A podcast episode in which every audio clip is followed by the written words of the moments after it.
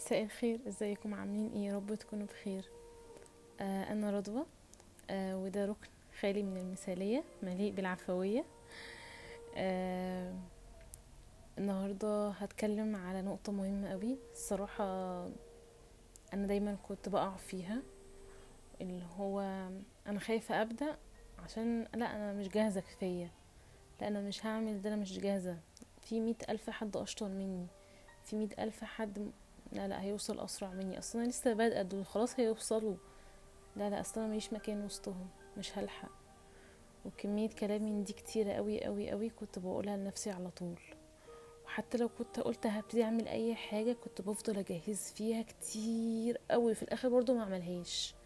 يعني أنا هعمل كذا وكذا وكذا وكذا وأفضل أجهز وأفكر وأخطط وأعمل.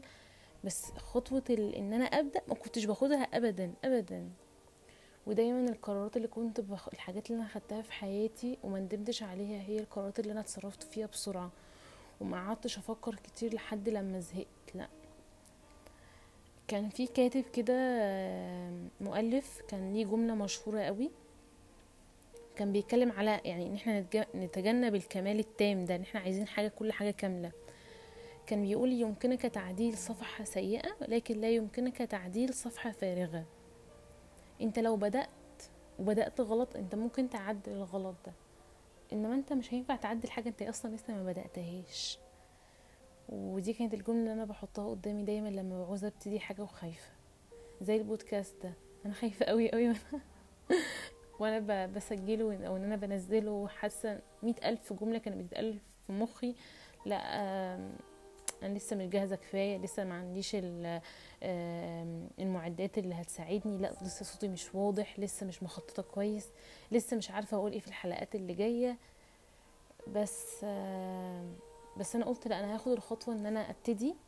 وممكن أعدل الكلام ده زي ما زي ما الكاتب ده قال أعدل حاجة موجودة بس مش هعرف أعدل حاجة مش موجودة. دايما أفكارنا مش مثالية قوي. لما بنيجي نبتدي الحاجة فبالتالي بنبقى خايفين. دايما لما بتيجي خلاص هتبتدي الحاجة الأفكار بتتبخر بتبقى متوتر مش عارف تمشي إزاي. آه فبنقعد نستنى نستنى نستنى نستنى. بس آخرة الوقت اللي إحنا بنستناه ده إيه؟ إحنا مش بنعمل حاجة في الآخر خالص.